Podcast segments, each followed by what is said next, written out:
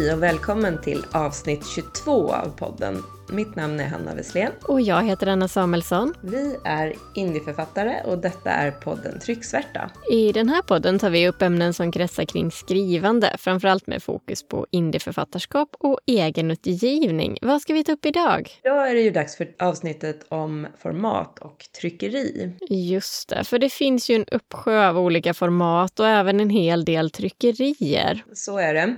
För ska man välja danskt band, pocket eller inbunden till sin bok? Och det finns ju så många termer som kanske inte är helt självklara. Eh, inte för mig i alla fall från början, som trådbindning när det gäller bindning och bulk när det gäller papperskvalitet. Precis, det är mycket att tänka på där, eh, som vi, saker som vi ska komma in på strax. Mm. Men vi, vi, kan väl ta en kort tillbakablick på förra avsnittet som vi brukar göra. Ja, då hade vi faktiskt en eh, release-special med våra två böcker. Din bok, Hanna, kom ju ut för några veckor sedan och heter Brickan i spelet. Och eh, den här uppföljaren är ju minst lika spännande som din första bok, Sprickan i fasaden. Och även den här då utspelar sig omväxlande i Nepal och i Stockholm. Ja, men just det. Och så pratade vi ju om din nya guidebok, Resa och tälta med barn en guide till naturupplevelser i Sverige och övriga Europa. Den kom ju ut i mitten av november och den har ju fått ett väldigt fint mottagande redan så det är jättekul. Mm, ja, det är det verkligen. Så vi diskuterade firande vid release förra gången att det inte behöver vara något stort firande men att man ska vara stolt över sig själv vid release, att man faktiskt har lyckats skriva en bok. Det är inte helt eh, enkelt ändå. Och vi tog upp hur det känns att ge ut en bok och lyssnade på ljudklippen när vi fick hem böckerna. Mm. Det var roligt. Och eh, ja, vi var ju väldigt nervösa på så två innan böckerna kom hem. Jag tror det hördes. ja. Så ja, lyssna gärna om du har missat det. Hur har du haft det sen förra avsnittet, Hanna? Ja, jag börjar ha lite lätt panik faktiskt över att det redan är december.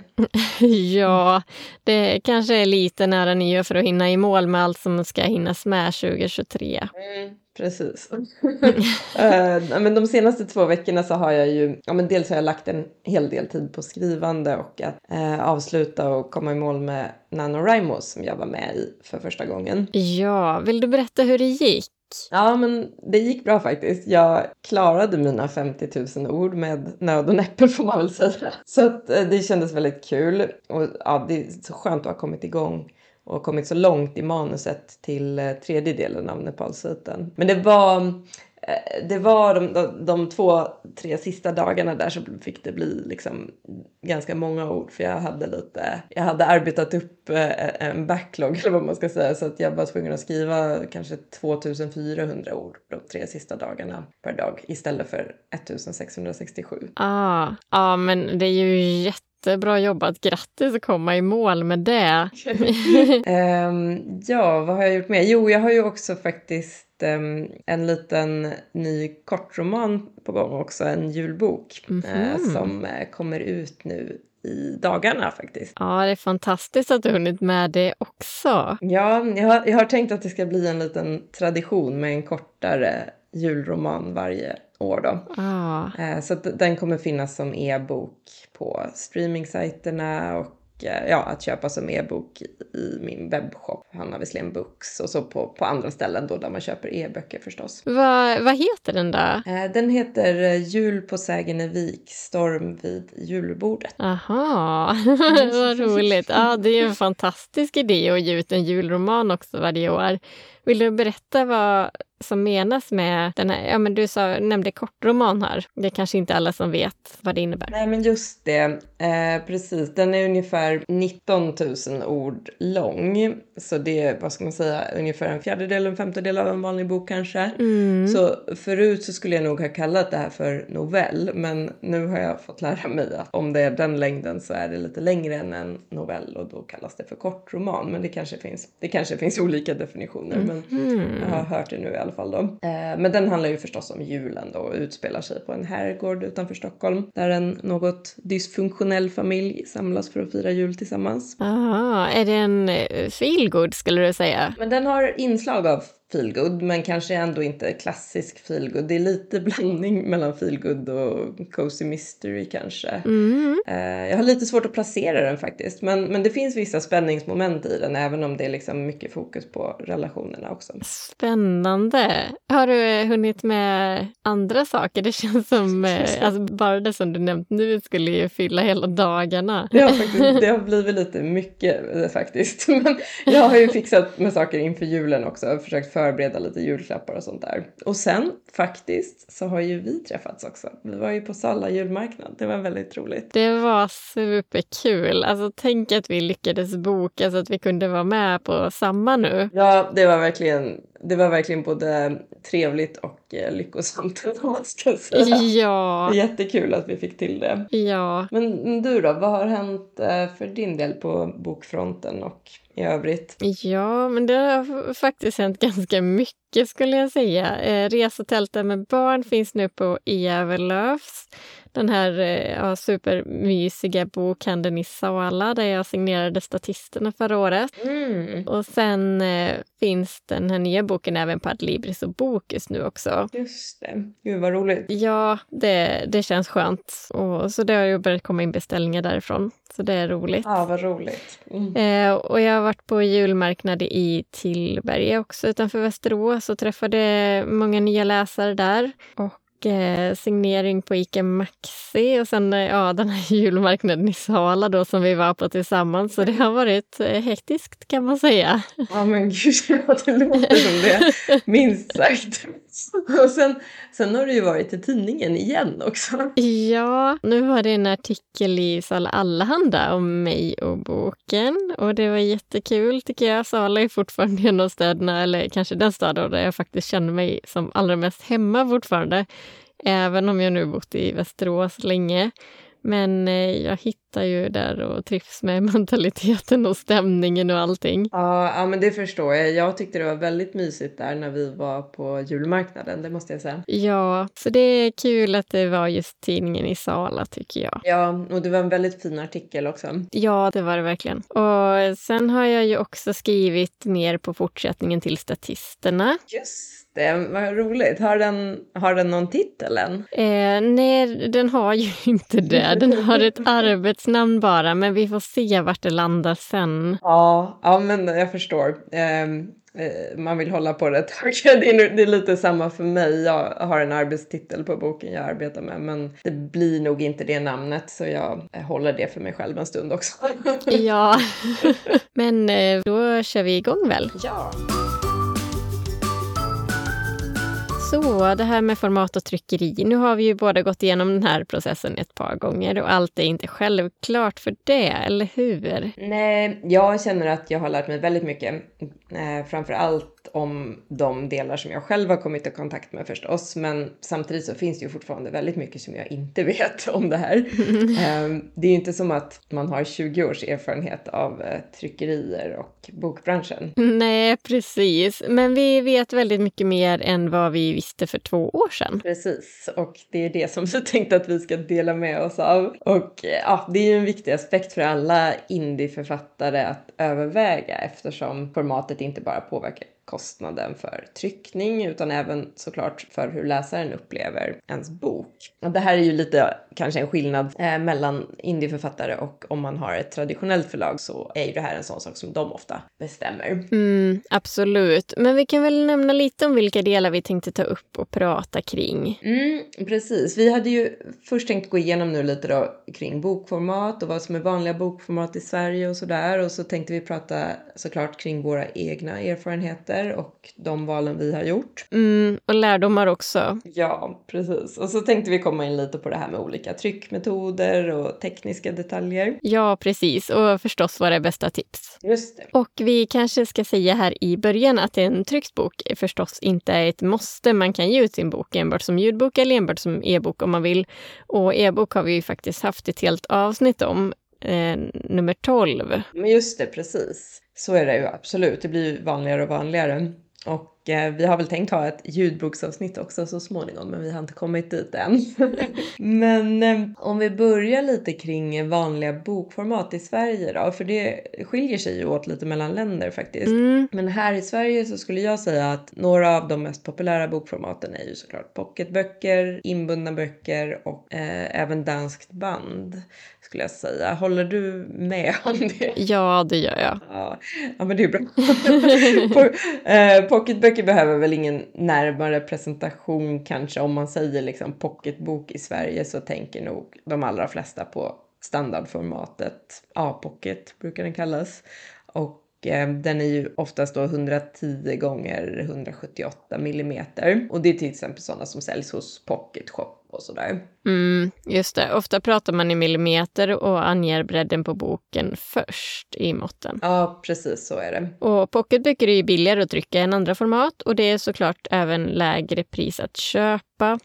Det finns ju för pocketböcker en del standardpriser enligt prisgrupper med bokstavsnumrering som man kan förväntas hålla sig till också. Ja men precis och då är det ju utpriserna till kund då som den prislistan anger. Så F-priset, alltså det priset som förlaget sätter mot återförsäljare måste ju vara väsentligt lägre än så. Ehm, jag tror att man kan säga att förtjänsten på pocketböcker normalt är liksom låg per bok men att man istället hoppas på att nå en bredare publik, sälja fler böcker när man har pocketböcker. Så är det väl. Eh, sen så tror jag ju förstås att man kan sätta vilket F-pris man vill som förlag, men om det inte är i linje med vad som är liksom acceptabelt enligt den här standardprislistan så blir det ju väldigt svårt att sälja den. Mm. Eh, och om, om man trycker upp den här prisgruppen på baksidan, till exempel eh, prisgrupp H, så blir det ju svårt att ta ett annat pris än det standardpriset till eh, slutkunden, tänker jag.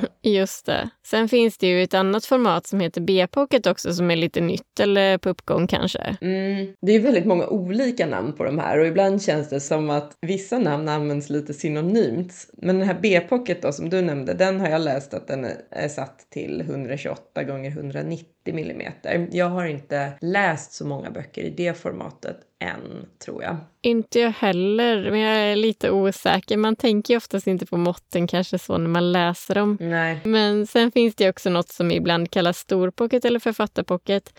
Och ibland kan man läsa storpocket då i 128 gånger 210 millimeter, men medan det ibland står 135 gånger 210 millimeter. Och båda de formaten är ganska vanliga. Någonstans läste jag att 135 gånger 210 millimeter kallas för författarpocket. Men det är inget jag hört särskilt ofta. Precis, jag har också läst det någonstans, men det är inget, det är inget begrepp som jag har hört liksom användas i någon större utsträckning. Det kanske, det kanske gör det, men jag har, inte, jag har inte heller hört det så mycket. Jag har läst det någonstans bara. Sen så ibland så, det här storpocket då, ibland så kallas ju det bara för mjukband. Jag har hört liksom att många formgivare gillar det formatet eftersom det ger liksom en lite bredare yta det här. Ah, 135 gånger 210 och det är ju också ganska vanligt att man har eh, danskt band i det formatet. ja.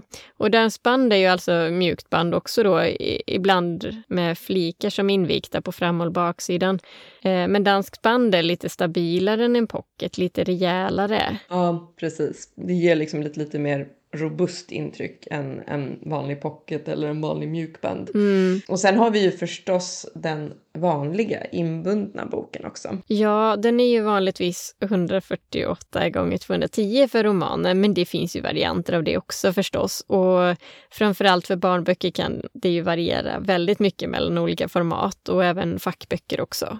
Sen har vi skillnad på limbunden och trådbunden bok och förut trodde jag att inbunden automatiskt betydde trådbunden, men så var det ju inte. Nej, precis. För ja, trådbunden gör ju att en bok tål att bläddras i betydligt mer än limbunden och jag har ju hört skräckexempel på författare vars sidor trillat ur boken för att limmet varit för dåligt på den limbundna varianten. Ja, det är ju inte så kul. Nej, verkligen inte. Men ofta så skulle jag säga att limmet ändå är bra och jag har aldrig läst en bok själv där det har hänt och jag har inte haft någon egen bok där det har hänt. Men trådbunden klarar som sagt mer och barnböcker är till exempel ofta trådbundna för de slits i i- mer och sådär, speciellt Mm. för små barn kanske. Och även guideböcker som man kanske bläddrar i fram och tillbaka mycket, de är ju också ofta trådbundna. Ja, ja, men det är ju väldigt praktiskt där. Ja, men eh, hur som helst, inbundna böcker kan alltså vara antingen limbundna eller trådbundna och trådbundet är dyrare att producera och alla tryckerier kan inte erbjuda det. Nej, just det. Och jag upplever ju att eh, inbundna böcker oftast har ett skyddsomslag också, alltså ett sånt omslag som sitter löst runt boken. Mm. Medan pocket och storpocket och danskt band ofta har omslaget tryck direkt på framsidan. Mm, håller med. Även om en inbunden bok också kan ha omslaget tryckt på framsidan och då heter det väl kartonage. Men det ser man inte så ofta, inte på romaner i alla fall. Nej, precis. Och där är det nog som du säger, i Sverige, jag tror att jag har sett det mer utomlands faktiskt. Mm. Äh, att det är tryckt direkt på framsidan. Och, och sen dessutom fackböcker, där är det oftare tryckt direkt på. Ja, och barnböcker förstås. Då. Absolut barnböcker. Där är det ju nästan alltid så att omslaget är tryckt på en bok med hård perm. Och barnböcker som du sa, det har ju ofta andra format än de klassiska formaten för vanliga böcker. Kvadratiska böcker är ju inte ovanligt bland barnböcker. Nej. Och eh, ja, det är generellt mer spretigt bland formaten om man tittar, bara titta i barnens bokhylla så ser man ju det. Ja, där är ju ofta bilderna viktiga, och, vilket påverkar formatet.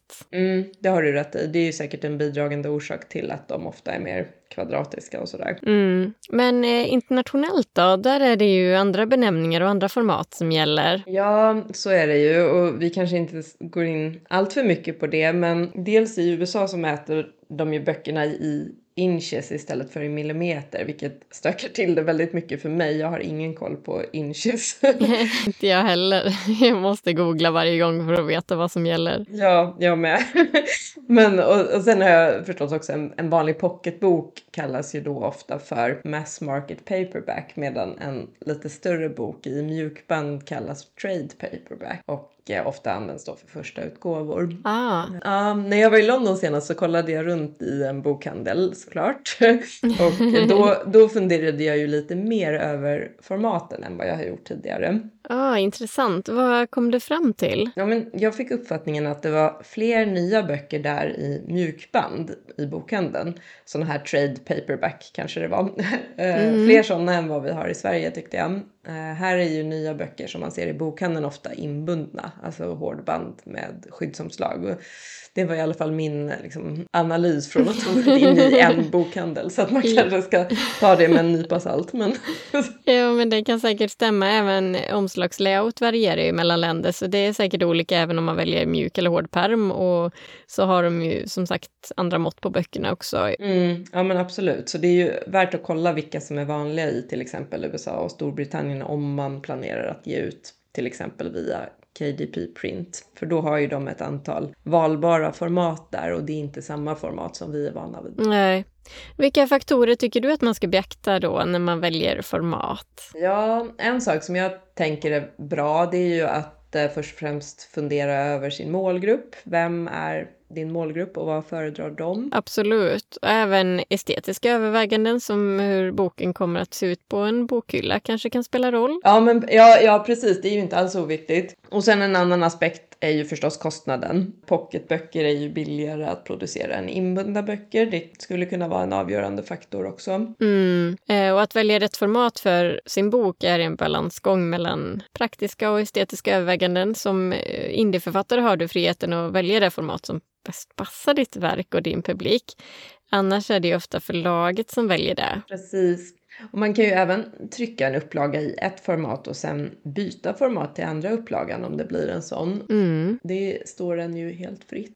Vi tänkte ju också dela med oss lite kring våra erfarenheter när det gäller bokformat och vad vi har lärt oss här på vägen. Eh, vill du börja och säga något om hur du har gjort? Ja, jag har ju tryckt två olika format. Min eh, debutroman Statisterna vill jag ha inbunden. Egentligen hade jag lika kunnat välja danskt band för att det, det är så vanligt numera och det billigare att trycka och köpa och det blir också snyggt tycker jag. Men eh, jag hade väl ställt in mig på inbundet av någon anledning så det fick bli så. Ja men just det, ja, men den är ju väldigt fin som inbunden. Det känns ju exklusivt på något vis. Det var väl de tankarna jag hade att eh, jag var så fastlåst på det här med inbundet. Ja, ja men det, det, så tror jag många tänker. Mm. Sen så tryckte ju du din nyaste bok Res och tälta med barn som eh, mjukband, eller hur? Ja, precis. Men eh, trådbunden mjukband då och eh, ofta så är de ju limmade mjukbanden, men det här är trådbundet.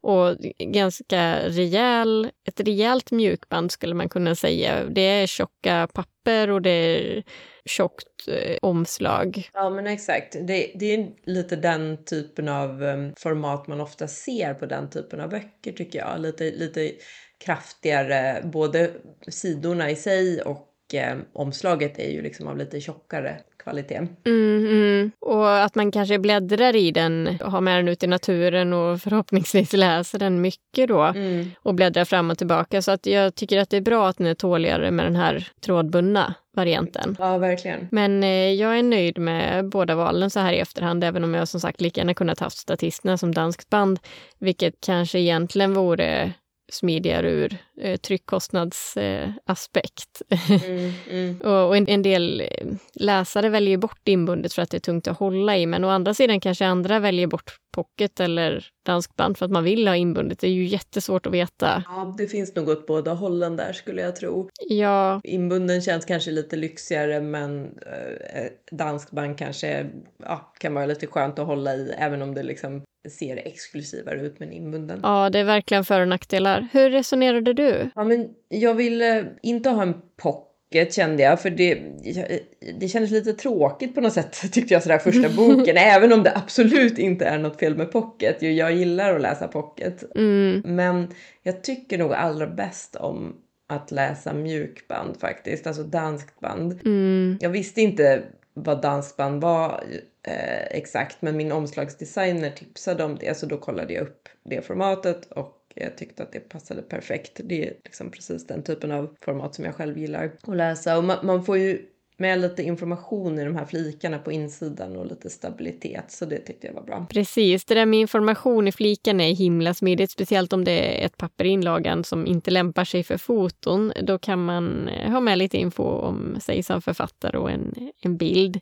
Och det skulle ju vara väldigt svårt annars. Ja, så jag valde ju eh, dansband i storlek 135 210 10, vilket är ett vanligt format i Sverige då. Både del 1 och del 2 i Nepalsviten är exakt samma format. Det kändes viktigt tyckte jag. Det var nästan det viktigaste att de skulle vara i samma format. Men det håller jag med om. Man, kan, man vill ju se att de hänger ihop i och med att de är i samma serie. Så det får man ju också tänka på innan man ger ut en bok. Eller om det är en bok i en serie då, att man får ju vara beredd att göra kanske då tre, om det är en trilogi, mm. likadana böcker oavsett vilket format det är. Exakt. En stor fördel som du var inne på med mjukband eller dansksband det är ju priset. För jag, jag känner jag kan ta ett relativt lågt pris, i alla fall om man jämför med inbundna böcker. Även om det såklart blir dyrare än pocketböcker, så det är lite mitt emellan då. Mm. Men det kommer ju ändå vara så såklart, oavsett pris så måste man ju få läsare intresserade av boken, annars köper de inte oavsett hur billigt det är. men, men på något sätt så kan det vara så att det är lättare att chansa och ge en ny författare en chans om boken kostar 140 kronor hellre än 280 kronor. Så är det säkert och det är verkligen en klar fördel. Jag tror att det är ett bra val. Ja, ja men det, både för och nackdelar, men jag, jag är jättenöjd med det i alla fall. Hade jag valt nu så hade jag eventuellt valt 135 gånger 215 millimeter istället för 210.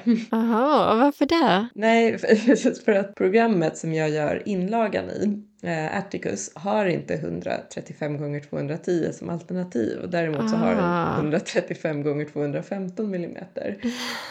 Mm. ja, det är ju, ja, vi pratade ju om det i det här avsnittet om sättning, men det är ju ett amerikanskt program som inte är helt anpassat till den svenska marknaden. Och även 135 gånger 215 ser den som ett lite liksom ovanligt alternativ. Det står under international sizes och anges då i inches. Men ja, jag har använt det och det funkar fint. Eh, tryckeriet har liksom kapat 2,5 mm upp till och 2,5 mm ned till bara. Så att ja, det, det blir jättesnyggt resultat men en liten liksom omväg dit då. Mm. Ja, jag fattar. Ja. ja, men då kommer vi in lite på tryckeri. Mm. Ett av de första valen man bör göra kanske, eller förr eller senare måste man i alla fall göra det här valet om man ska trycka en upplaga eller använda print on demand ju. Mm. Det har vi pratat om tidigare också, men print on demand är ju att man i princip inte har något lager utan endast trycker böckerna styckvis när någon beställer. Precis. Fördelen är ju förstås att man inte behöver göra någon stor investering, vilket att trycka en upplaga kan vara. Ja, och man slipper lagerkostnader. Den stora nackdelen är ju då att tryckpriset per bok blir väldigt högt. Jag var från början helt inne på att använda print on demand via Publit. Men, men dels kunde de inte trycka eh, flik, med flikar. Eh, det är möjligt att det har ändrats nu. Mm. Men eh, sen så tyckte jag också att förtjänsten per bok blev så pass mycket större med upplaga. Alltså det, det slutade med en upplaga. Men vi får se hur det blir med nästa bok när jag är klar med trilogin. Det skulle vara roligt att testa Publits print on demand också. Jag tycker det verkar bra. Mm. Jag har faktiskt skickat den här julboken på provtryck där. För för att se hur det blir. Ah. Men jag var liksom lite sent ute där så att jag tror inte att jag hinner liksom få ut den i handen. det, kanske blir, det kanske blir till nästa år men jag, ville i alla fall, jag ville bara testa och se hur det blir. Liksom. Ja, det ska bli spännande att höra hur, hur det blev. Ja, eh, jag återkommer. ja. Men eh, hur har du tänkt kring det här att trycka upplaga eller print on demand? Eh, jag, jag, jag tror att så länge man räknar med att sälja upplagan så då är det förstås ett bättre val med upplaga för att man då får ner tryckpriset per bok så mycket. Mm. och när jag räknade på statisterna där hos ett ställe som hade print on demand så skulle jag gå med förlust om jag hade sålt den för det priset som jag har nu. Oj! Så att eh, det var liksom inte ens att tänka på där. Sen så finns det ju ja, olika priser på print on demand också förstås, men... Eh... Mm. men, det där, men det där är ju jätteviktigt att man verkligen räknar på det så att man inte, att man inte ja. liksom går back bok eller hamnar nära noll. Det blir ju inte bra. Nej, verkligen inte. Och sen så är det ju förstås inte helt givet att man säljer sin upplaga, framförallt inte om det är en väldigt stor upplaga eller om man är ny som författare eller om man kanske inte gjort tillräckligt mycket marknadsföring. Eller om boken får ett ljummet mottagande och så vidare. Och ja, andra faktorer också förstås. För att det kan lika gärna vara så att man har ändå gjort allt det här och boken är bra men man kan ändå inte sälja hela upplagan. Mm. Eh, sen finns det väl förstås fördelar med print on demand. Att man, ja, men man slipper ligga ute med pengar som, som du nämnde. Att man kanske kan korrigera också något stavfel som upptäckts i originalversionen eller liknande. Och man betalar inte för mer än vad man säljer ju. Nej, ja, men precis. Det är ju, ja, allt det där är viktiga faktorer att beakta tycker jag. Ja, eh, och det finns ju många tryckerier i Sverige och en hel del utomlands, till exempel i baltländerna. Precis, och priserna är ju ofta lägre i många andra länder. Eh, samtidigt kanske kommunikationen är svårare om man ska prata trycktekniker på andra språk än sitt modersmål. Eh, men visst finns det tryckerier i andra länder som behärskar svenska också tror jag. Och eh, mm. ja, man gör ju som man vill där. Ja, det finns många aspekter på det där. Eh, hur har du gjort med dina böcker? Jag valde ju tryckeri i Sverige för mina böcker. Det är ju, ja, det är ju samma tryckeri som du har till statisterna. eh, det kändes på något sätt enklast så. Och jag, ja, jag är väldigt nöjd överlag. De har varit hjälpsamma och jag tycker priset har varit fullt rimligt. Det är liksom väldigt stor prisskillnad per bok om man väljer 500 eller 1000 eller 1500 böcker. Mm, absolut. Och om man ska trycka bara ett par hundra böcker blir det ofta dyrt med ett vanligt tryckeri. Och, och då kan Bookbox eller Print on Demand vara extra intressant att överväga. Ja, precis. Jag, jag tror absolut att jag kommer testa båda de alternativen i framtiden för att liksom utvärdera lite och se lite beroende på vad det är för bok. Mm. För det, ja, det är inte helt lätt inte heller nu när man har skrivit två böcker, det är inte helt lätt att utvärdera hur många böcker som är rimligt att trycka upp. Det är en ganska svår fråga. Mm. Men ännu svårare såklart kanske om det är första boken. Ja. Jag, jag valde ju att trycka lika många av andra boken som av första boken och den första boken finns ju fortfarande kvar av. Jag tänker att om jag ligger i och jobbar aktivt med försäljningen så är det nog möjligt att första upplagan säljer slut under nästa år kanske. Mm. Och, eh, men då kommer jag ju fortfarande ha kvar av den andra boken troligtvis eftersom ja, jag tryckte lika många exemplar av den och alla som har köpt bok 1 kommer ju inte köpa bok 2 så ja, vi får väl se. Det får kanske bli en andra upplaga av eh, sprickan i fasaden så småningom. Just det. Och det är ju också intressant för då kan man ju faktiskt göra en pocketversion istället om man vill. Ja, jag har inte bestämt än hur, hur jag kommer göra det faktiskt. Det är inte, det är inte helt omöjligt. Samtidigt så då tappar man ju lite det där att den passar ihop med den andra. Så då kanske man vill trycka pocketversioner av allihopa. Vi, ja, vi får se lite ja. hur, hur det blir. Men en sak som jag har tänkt på det är ju att när man då funderar hur många exemplar man ska trycka så bör man utvärdera hur mycket man kommer kunna och vilja jobba med försäljningen. Jag tror inte att man ska trycka upp tusen exemplar om man kanske har ja, men säg att man har 40-50 vänner som kommer köpa och så tänker man att ah, resten får väl sälja sig själv på något sätt. Det gör de med sannolikhet inte. Nej, det är bra att tänka på. Om man inte tänker vara så aktiv med försäljningen så tror jag nästan att print on demand eller mindre upplaga är bra att testa i början. Ja, men precis. Sen har vi ju det här med tryckteknik. Eh, det är skillnad skulle jag säga på tryck i svartvitt och tryck i färg och vad man ska ha den till. Men eh, det finns ju också offset och digitaltryck och även en enklare teknik som heter Inket som till exempel tryckeriet Lasertryck har. Ah, okay. Okej, just det. Inket har jag inte hört så mycket om faktiskt. Nej, och det, jag vet inte om det är fler som har det, men de här olika tryckteknikerna kostar ju olika mycket och sätter dyrare startkostnad i och med att man använder så kallade tryckplåtar eller tryckplattor. Så man trycker liksom inte 50 böcker med offset, utan då får man ju trycka ja, men ett antal hundra böcker, kanske tusen enligt vissa tryckerier eller mer än så, innan det lönar sig med offset. Men en del tryckerier trycker inte ens offset, så det, det beror lite på vilket tryckeri man väljer också. Men riktigt stora upplagor trycks med offset. Ja, men just det. Och till min första bok, Statisterna, valde jag digitaltryck och vet inte ens om jag kunde välja på offset där faktiskt. Men personligen har jag svårt att se skillnad på digitaltryck och offsettryck i ren text. Kanske jag skulle läsa skillnad om jag hade dem bredvid varandra och titta riktigt noga, men jag kan inte tänka mig att man som vanlig läsare skulle reagera på om en vanlig roman är tryckt med digitaltryck eller offsettryck. Nej, det tror inte jag heller. Jag vet inte om jag ser skillnad, tror inte det. Definitivt inte på en vanlig roman. Och eh, de flesta läsare vet kanske inte heller skillnaden mellan de här metoderna. Innan jag började intressera mig för bokutgivning så hade jag ingen aning om att, att de här två metoderna fanns ens. Nej, jag var heller inte helt insatt, även om jag nog hade hört begreppen.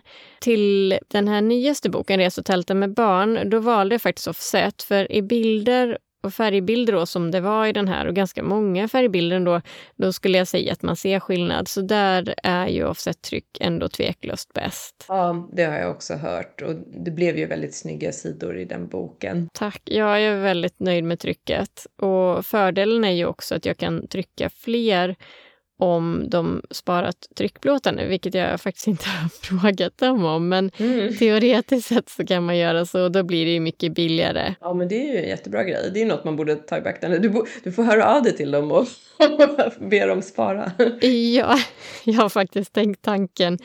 Och eh, angående den här sista trycktekniken som jag nämnde innan, inkjetryck, det har jag inte sett exempel på. Eh, men eh, säkert skulle man som läsare inte reagera då heller. Däremot skulle jag inte välja det till en bok med färgbilder.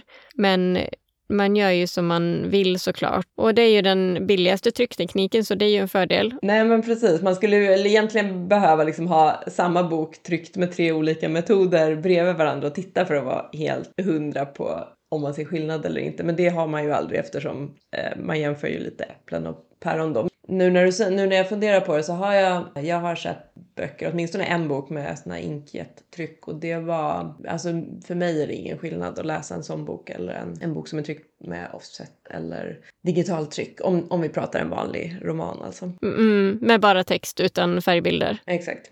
Mm. Och man kanske kan fråga sitt tryckeri också. Man kan få se exempel på de olika tryckteknikerna. Vissa har ju det som, man, som de kan skicka. Ja, precis. Det är alltid bra att fråga. Mm. Eh, och, och, du måste ju också ha haft digitaltryck på dina böcker eftersom vi hade samma tryckeri där. Ja, det stämmer. Jag funderade inte särskilt mycket på det innan faktiskt. Det är ju, ja, det är väl ett av Sveriges största, eller kanske det största tryckeriet vad jag vet. Och eh, många böcker som jag har i min bokhylla hemma var tryckta där så det kändes som ett hyfsat säkert kort. Precis, och vi kan ju säga något om det här med vala papper också. Det är ju lätt att förbise eller inte tänka på det, men papperskvaliteten är ju ett viktigt val som påverkar både kostnaden och upplevelsen av boken. Ja, och när det gäller färg så är ju vitt eller krämfärgat papper vanligast. Vitt ger ju en väldigt stark kontrakt för texten, vilket kanske är bra för böcker med mycket grafik och text och sådär.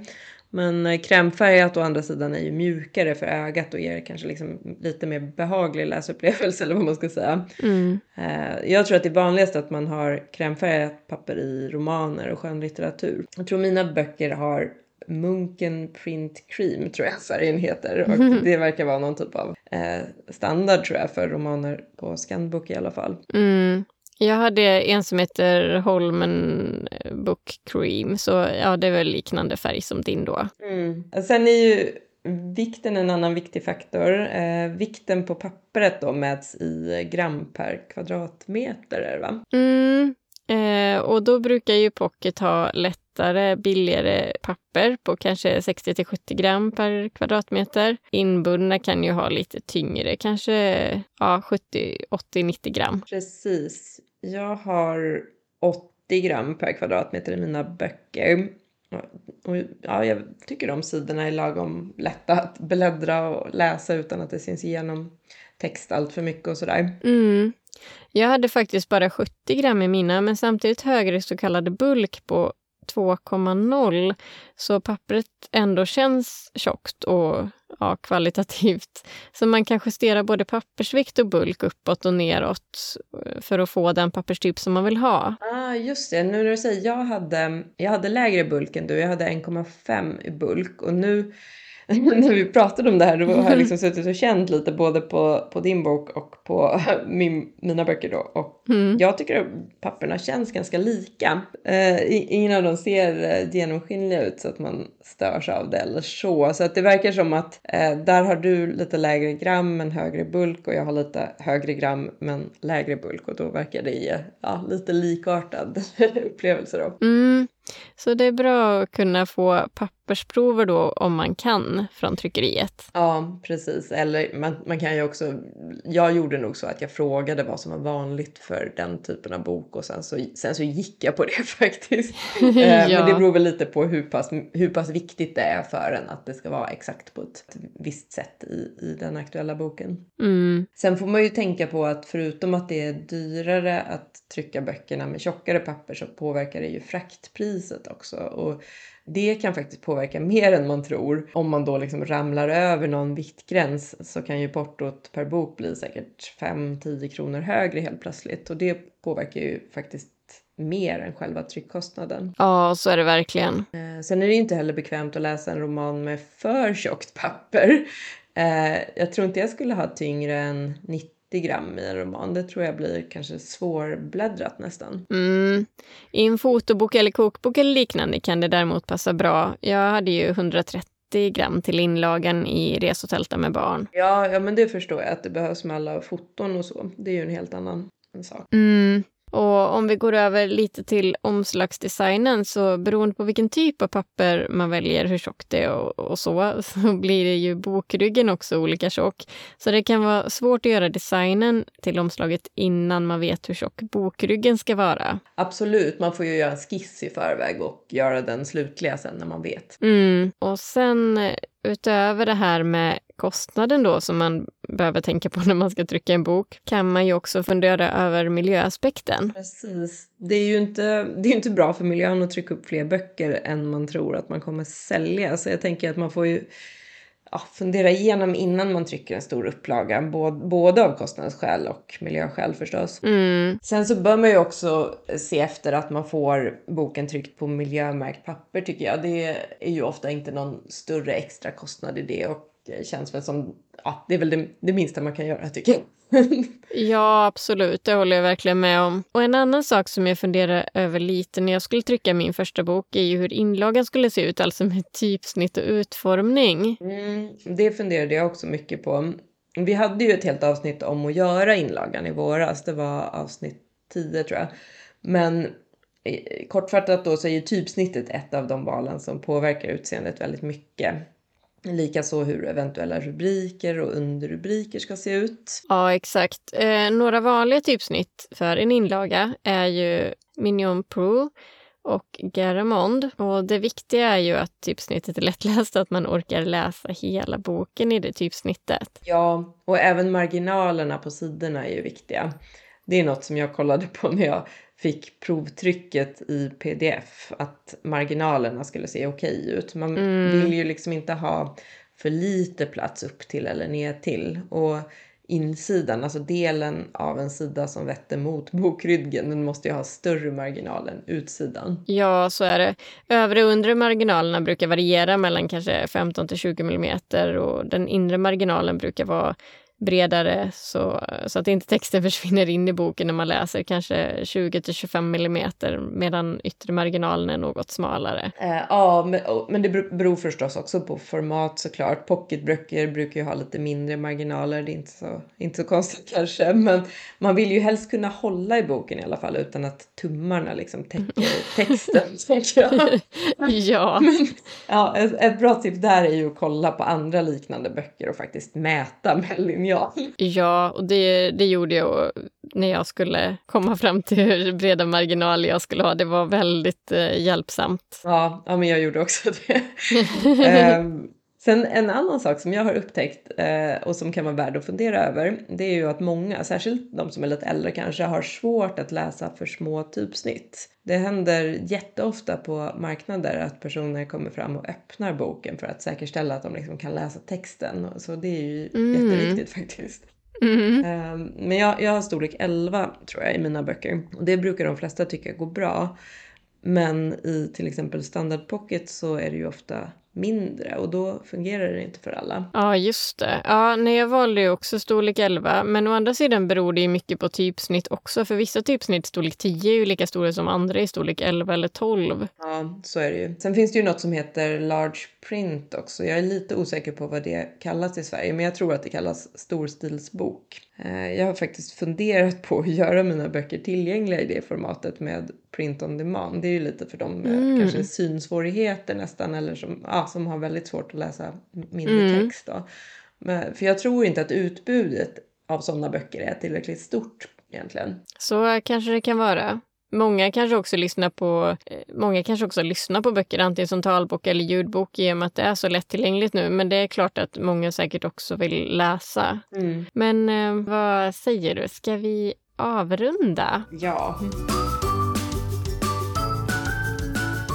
Så, Hanne, vilket är ditt bästa tips kring format och tryckeri? Jag funderade lite innan vad jag har för tips och eh, jag skulle säga att eh, mitt tips är nog att först bestämma vad man vill uppnå med boken innan man väljer tryckformat. Är det viktigast att boken ser riktigt snygg ut? Är det viktigast att man tjänar så mycket som möjligt per sålt exemplar? Att den är skön att hålla i och läsa? Eller är det viktigt att du säljer så många exemplar som möjligt? Till exempel. Mm. Eh, Det kan ju liksom, beroende på vad man svarar på de här frågorna, så kan det ju sen hjälpa till att vägleda vilket format man väljer. Det kanske till exempel inte är helt förenligt om man både vill sälja så många exemplar som möjligt om man väljer det allra dyraste och eh, snyggaste formatet. Beroende på bok såklart då. Mm. Eh, men nu pratar jag främst kanske roman. Men hur som helst så tror jag att det är bra att fundera igenom vad man vill uppnå och vilket format man tror bäst leder på rätt väg liksom. Ja, det är jättebra att tänka till på vilken typ av bok det är och hur den ska användas. Så det är bra att du nämnde det. Är det en roman till exempel som ska läsas en eller några gånger eller är det en guidebok eller en barnbok?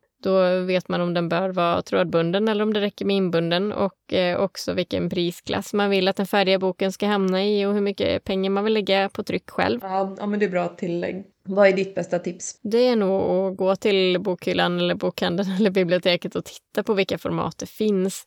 Eh, Mät storleken och titta på sidantalet, kolla vilket papper den är tryckt på. Ibland står det på copyright-sidan. Väg dem. Eh, Det kanske är svårt i en bokhandel, men...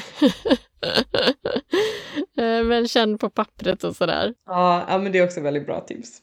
Och eh, också behöver man ta hänsyn till vilka format tryckeriet kan trycka då. Eller om man först bestämmer format så kanske man får leta upp ett tryckeri som klarar av just det formatet. och fråga tryckeriet om de har något de rekommenderar också. De är ju ändå proffs på det här. Ja, det är sant. Jag måste nog ta ett litet tips till som vi kanske inte har nämnt. Eller tips och tips, men eh, för att tryckeriet ska kunna ge dig en prisuppgift behöver de ju veta sidantal, pappersvikt och papperstyp, bulk, format, bindningstyp och antal X. Ja, jättebra att du sammanfattar det där. Och även kanske också om man har, om man vill ha någon speciell laminering eller någonting sånt på Ja, omslaget så vill de ju veta det också förstås. absolut. Ja. Så de sakerna behöver du antingen fundera över själv eller fråga liksom, tryckeriet. De kanske inte kan råda om antal X och sådär eller om man ska ha danskt band eller inbundet. Men de kan ju åtminstone föreslå några olika papperstyper och vilken bulk som är vanligt och sådär. Ska vi avslöja temat på nästa avsnitt som sänds om två veckor? Ja, det gör vi. Då är det ju faktiskt sista avsnittet för säsongen. Helt otroligt att det redan har gått ett år. ja, det är det verkligen. Ja, nej, så vi, vi kör helt enkelt en julavslutning och hoppas att du vill följa med oss även då. Mm. Och om du undrar över något som vi pratade om idag eller kanske har frågor inför nästa avsnitt, skriv då till oss på podden trycksvarta gmail.com eller på Instagram där vi också heter podden trycksvarta. Hoppas att du som lyssnat har fått med dig många tips kring vad man kan tänka på vad gäller format och tryckeri. Du har lyssnat på podden Trycksvärta med mig, Hanna Wesslén. Och mig, Anna Samuelsson. Vi hörs igen om två veckor. Ha det så bra!